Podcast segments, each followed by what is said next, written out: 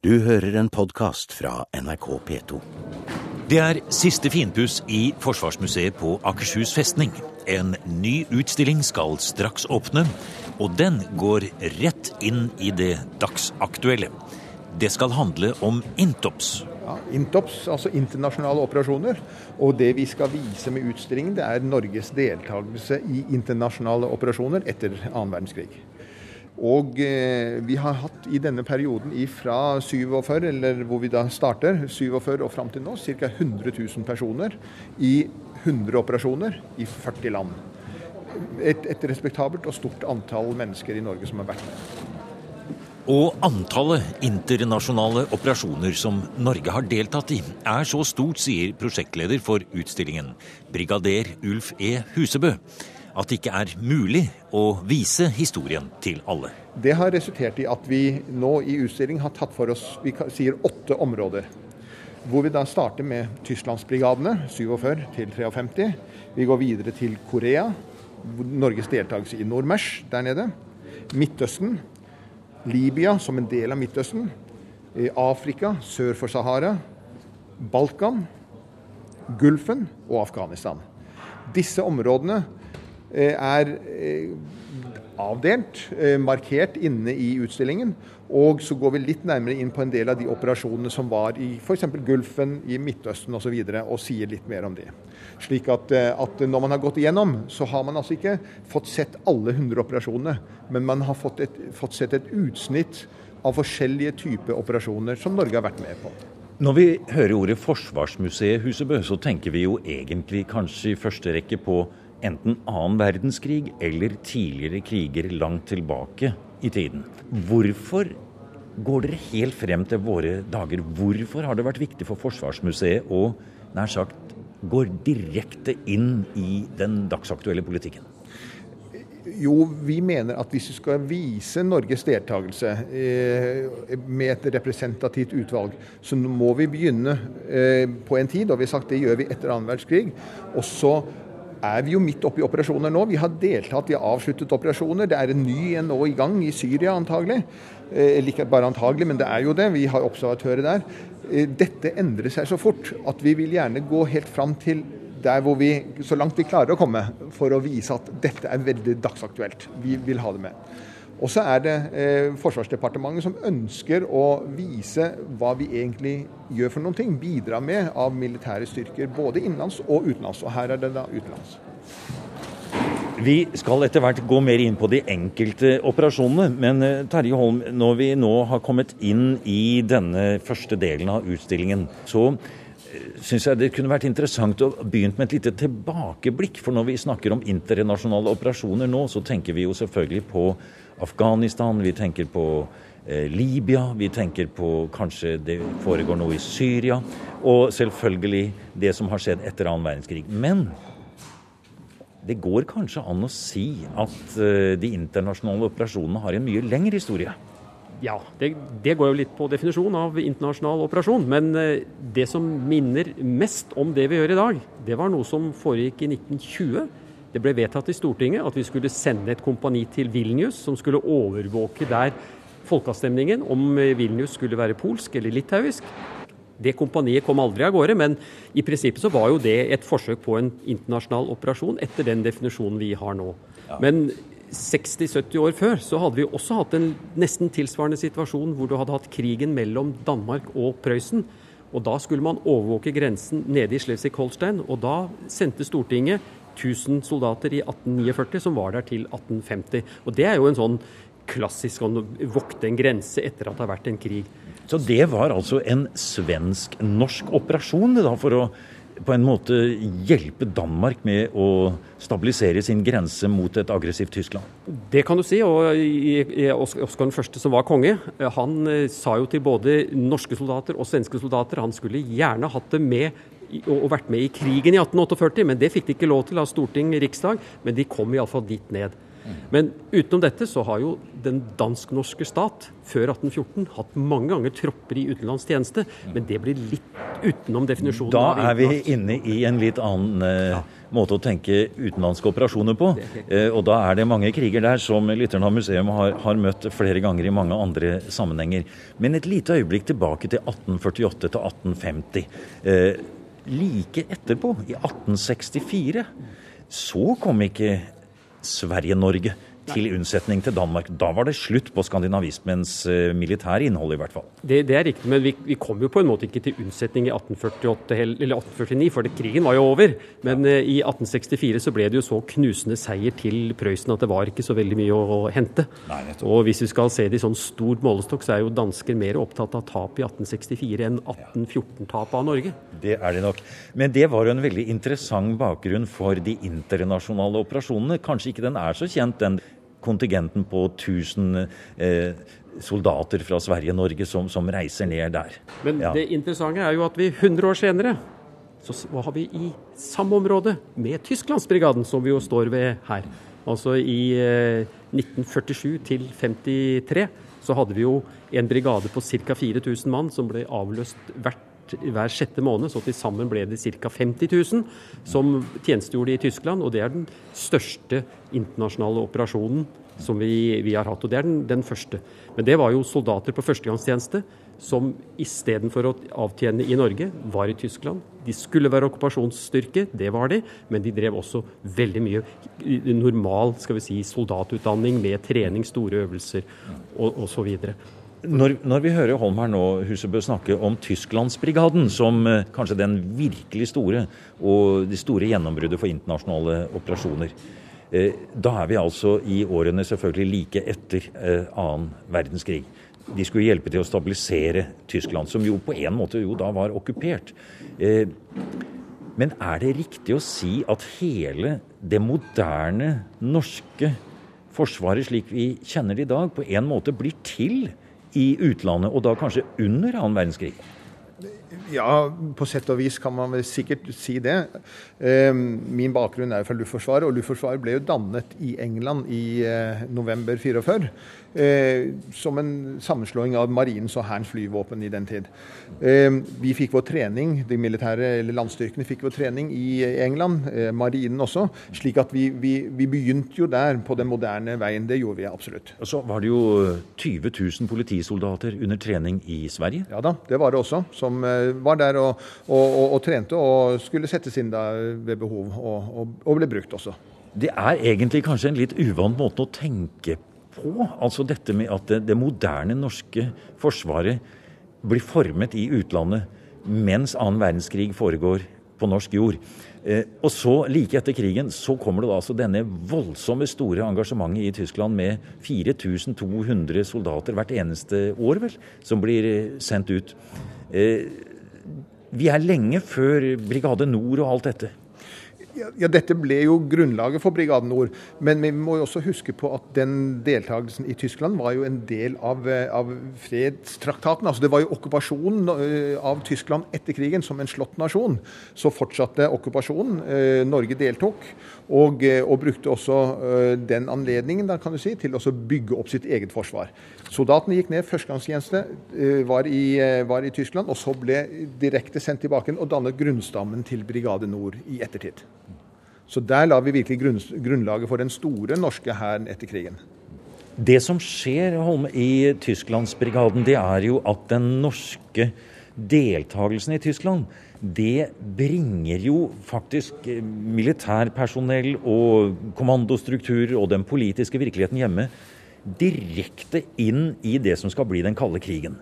Eh, man forbereder seg faktisk på der i Tysklandsbrigaden at det kan bli nødvendig å forsvare seg mot en eh, sovjetisk aggresjon. Kielerkanalen blir en viktig grense. Eh, og plutselig er man inne i den kalde krigen.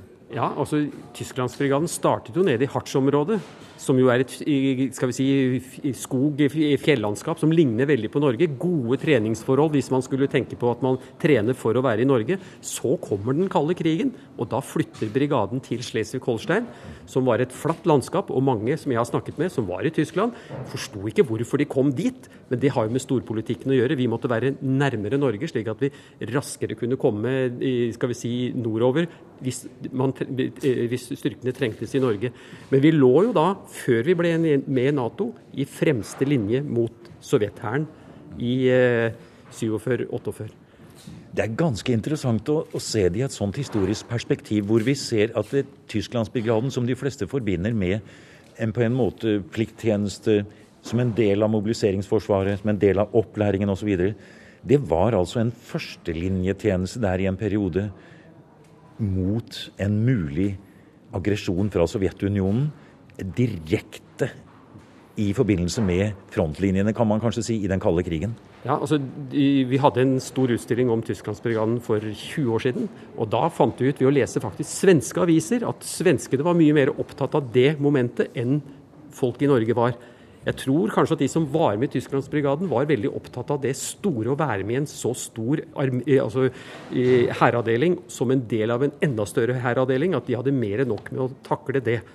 En, ved altså Sidevirkning av Tysklandsbrigaden ble jo det som du var inne på, det med oppbyggingen av Forsvaret. Nå fikk man virkelig anledning til å få mye materiell. Spesielt kjøretøyer. Vi hadde jo ikke hatt kjøretøyer på den måten før. Når vi kom til Tyskland, så var det så kjørte de kilometer på kilometer med kjøretøy. Dette er kjøretøyene deres. Så vi ble altså motorisert på en helt annen måte enn vi var før. Det ble mer sånn profesjonell hær etter datidens uh, syn. Og Igjen kan man jo faktisk si, hvis jeg stiller det litt på spissen nå, at den norske moderne forsvaret blir til i utlandet i aktiviteter og operasjoner ute. Ja, ja, og vi blir jo da en del av en stormaktsarmé der nede. Vi er En liten brikke i, det, i, i den store spillet. Også, men vi flytter i 53 tilbake hit, og da begynner vi nok å finne litt egne løsninger. Men eh, vi, vi, vi skal jo være en del av den store Nato-alliansen. Og På mange måter kan man vel kanskje si at uh, man skifter ut Kieler-kanalen med jeg håper å si grense for, eh, for, man flytter jo mye av kommandostrukturer, mye av de, den erfaringen man har fra Slesvig-Holstein da, og den faren fra øst, flytter man da til oppbyggingen av Brigade Nord. Jo, det er riktig. Så da, da blir jo det, det, området man er mest engstelig for, det blir jo i nord.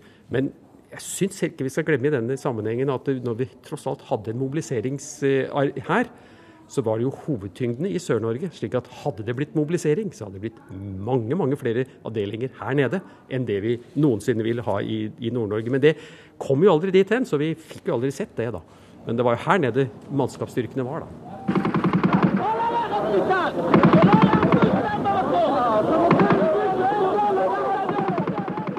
Det er natt i Israel. Natt til lørdag 11. mars 1978. Vi går gjennom den nye utstillingen på Forsvarsmuseet om INTOPS, de internasjonale operasjonene norske soldater har deltatt i fra slutten av annen verdenskrig og fram til i dag. Rundt 100 operasjoner i 40 land, med til sammen 100 000 norske menn og kvinner som har tjenestegjort. Midt i utstillingen så står et stort observasjonstårn det er et eh, stålskabrakkel som er eh, mange mange meter høyt. Det er eh, hvitt med FN-bokstaver på utsiden. UN. Nå går vi inn i vaktbua her. Inn i observasjonstårnet. Og her står det en eller to norske soldater. Her har vi kommet til Libanon og Unifil, hvor Norge deltok i 20 år fra starten i 1978 til det norske engasjementet ble avsluttet i 1998. Tidligere presseoffiser Dag Leran og museumspedagog Mats Berg har tatt oss med opp i et utkikkstårn som er med på å markere United Nations Interim Forces in Lebanon. Dette var et eh, reservetårn, faktisk, som sto i den norske pionerleiren i Unifil eh, i Libanon. Og så ble den sendt hjem når vi var ferdige. Så eh, vi hadde noen sånne i Unifil, og vi hadde dem også i Makedonia senere.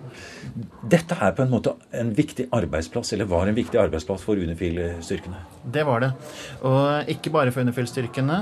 Vi har hatt folk som har drevet med akkurat dette siden 1948 og til i dag. For også norske eh, FN-observatører har vært med på dette i UNSO fra 1948. Og fra 1956 til 67 så hadde vi UNF på Gaza, hvor det var 11 000 nordmenn som faktisk drev med dette her. Og så kom det nye 22 000 i Unifil som faktisk drev med dette. Så etter Tysklandsbrigaden så er Unifil og Libanon kanskje den, det største i antall? Ja, helt klart. Helt klart.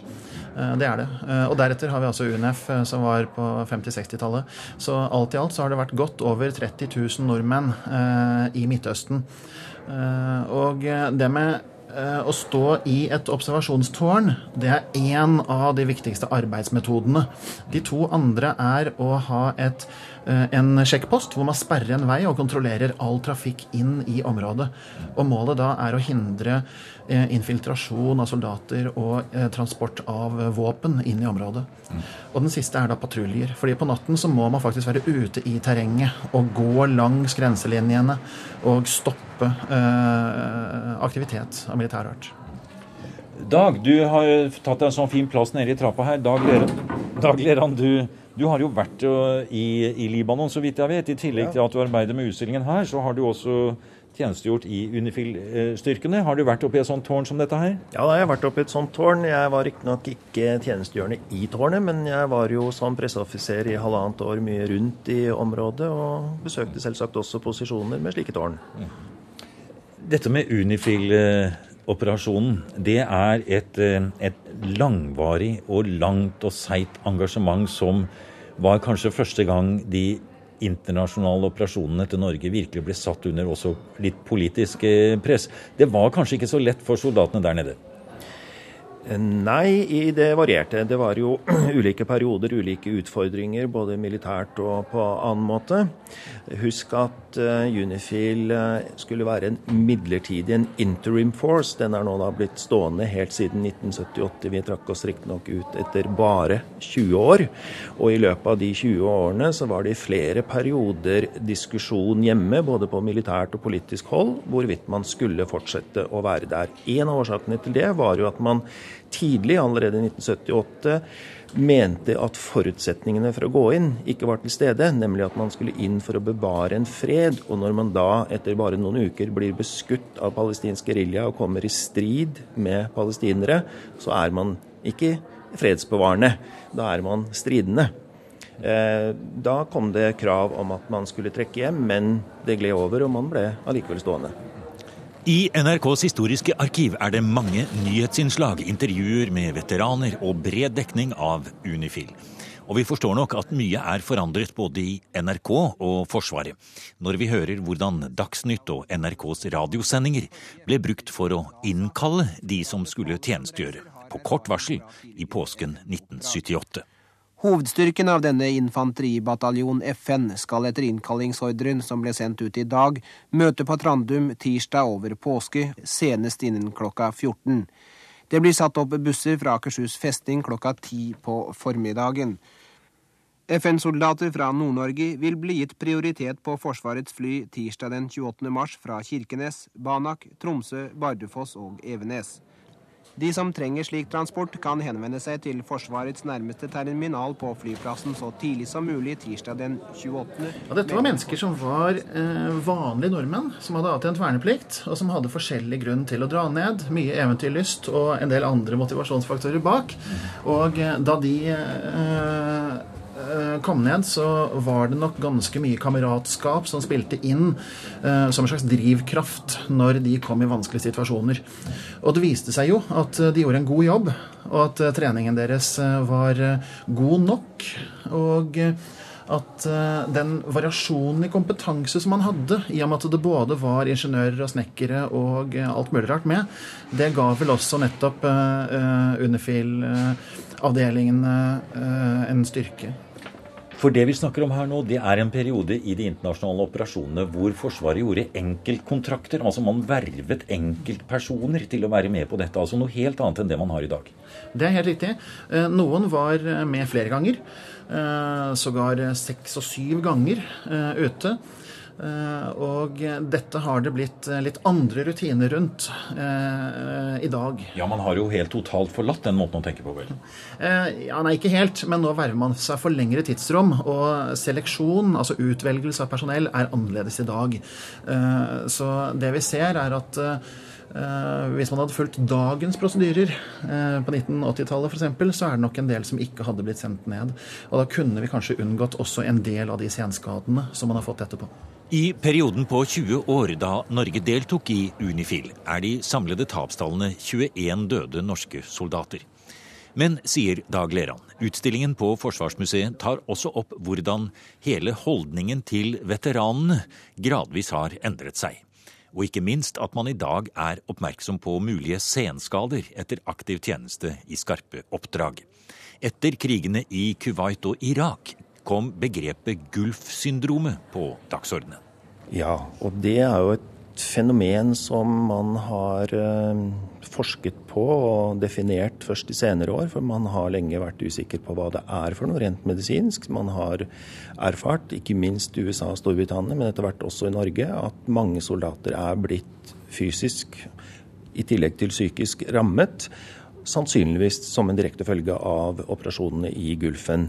Og det norske soldater eh, opplevde, var eh, både at de ble utsatt for forskjellige typer kjemikalier i lufta. Husk at irakerne satte de kuwaitiske oljebrønnene i brann. Det var masse sot, partikler og annet i lufta.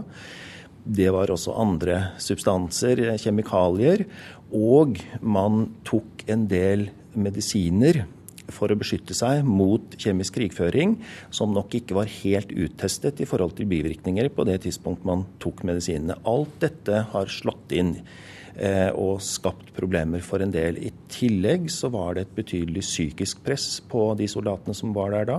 Én ting er jo krigsfaren, at man stadig fikk alarmer om at Scud-raketter eh, ble retta mot det området man befant seg. Det andre var at man jo opplevde mye av krigens gru. Der lå fortsatt igjen tusenvis av døde irakiske soldater. På det norske sykehuset så mottok man få skadde soldater fordi at kamphandlingene ble mindre omfattende, og de allierte styrkene hadde færre sårede enn forventet. Derimot så tok man imot mange sivile irakere. Eh, de ble sendt ut etter at krigshandlingene var over, med løfte om finnerlønn for å plukke miner og eksplosiver. De hadde selvsagt ingen forutsetninger for å håndtere dem, og følgen var jo at de fikk sprengt bort hender og føtter, og de ble da brakt inn til det norske sykehuset, som måtte håndtere disse her. Og det var såpass stor pågang av skadde til perioder at selv sjåfører, mekanikere, kokker måtte hjelpe til på operasjonsstua. Noe de for øvrig også måtte gjøre i Korea en generasjon tidligere.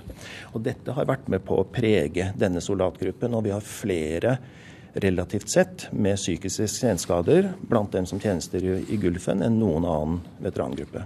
Så her kom det inn et helt nytt aspekt ved de internasjonale operasjonene, nemlig langvarige senskader når altså veteranene kommer hjem.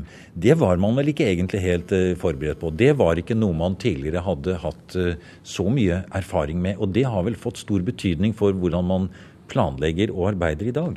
Ja, samtidig så er det jo ikke helt riktig at man ikke hadde erfaring med det, hvis man hadde villet ta det på alvor. For du hadde en hel generasjon med krigsseilere som hadde vært ute for mye av det samme. Problemene var kjent, ettervirkningene var tydelige å se, selv på gaten i Oslo. Men man ville ikke, enten det var på fagmilitært eh, militært eller på politisk hold, ta det inn over seg at disse nye veteranene også var utsatt for mange av de samme opplevelsene, traumene, som kan gi seg utslag i posttraumatisk stress. Så du mener at uh, det som skjedde i, i Gulfen med senskadene der, kan ha, det kan man sammenligne litt med det krigsseilerne opplevde, altså? Medisinsk sett så er det utvilsomt. Og det var jo særlig veteranene fra Libanon som fikk disse skadene og gjorde at man på militært og sivilt politisk hold ble oppmerksom på at dette var en reell problemstilling. Ja, når vi hører dette med mer og mer skarpe operasjoner, hører vi. Vi hører eh, Husebø, at det er snakk om at eh, dette ordet fredsbevarende det kan da mildt sagt ha litt forskjellig type innhold. Særlig når det soldatene gjør er ja, hva er det korrekte uttrykket? Krigslignende tilstand. Eh, hvordan problematiserer dere det på utstillingen her? At norske soldater er i hverdagsspråket i direkte krig i f.eks. Afghanistan? I første rekke så vil jo vi dokumentere de, den aktiviteten de har vært med på. Men vi stiller også en del spørsmål i form av plakater, i form av utsagn, hvor, hvor publikum selv skal få lov til å tenke. De skal danne seg et inntrykk etter å ha gått gjennom dette, etter å ha sett hva vi har vært med på. Så er det opp til publikum å si er dette riktig? Er dette krig? Er det fredsbevarende?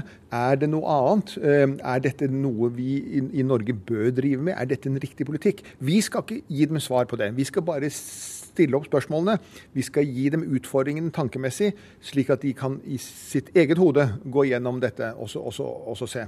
Også for ja, for det har jo ikke alltid vært uh, Husebø, helt selvfølgelig og opplagt at Norge skal delta i krig i utlandet. Det er røster i det politiske livet i Norge eh, som helt tydelig har vært imot hele dette internasjonale engasjementet. Og Kommer det med på utstillingen her? Det kommer med. Eh, på den måten som jeg sa, at vi, at vi, stiller spørsmål. Vi har også en liten sekvens hvor vi lar uh, vise hva politikerne har uttalt under, uh, under de forskjellige uh, operasjonene. Hvor en sier det, det er ikke krig. En, en ledende offiser sier at ja, dette er altså så nært krig som du kan komme. Og så får man da selv vurdere hva er riktig. Jeg, jeg må jo også innrømme at klart på, basert på en sånn utstilling så kan kanskje ikke publikum direkte si at ja, dette er riktig eller dette er feil. Men de fleste har en oppfatning om dette temaet når de går inn i en utstilling. Og så vil den bli enten forsterket eller, eller, svekket underveis når de ser hva vi har vært med på. Det er iallfall vårt ønske. Du har nå hørt programmet Museum som podkast fra NRK. Museum sendes i NRK P2 på lørdager klokken 16 og søndag morgen klokken 8. E-postadressen er museum krøllalfa nrk.no. Og nå har museum også en side på Facebook.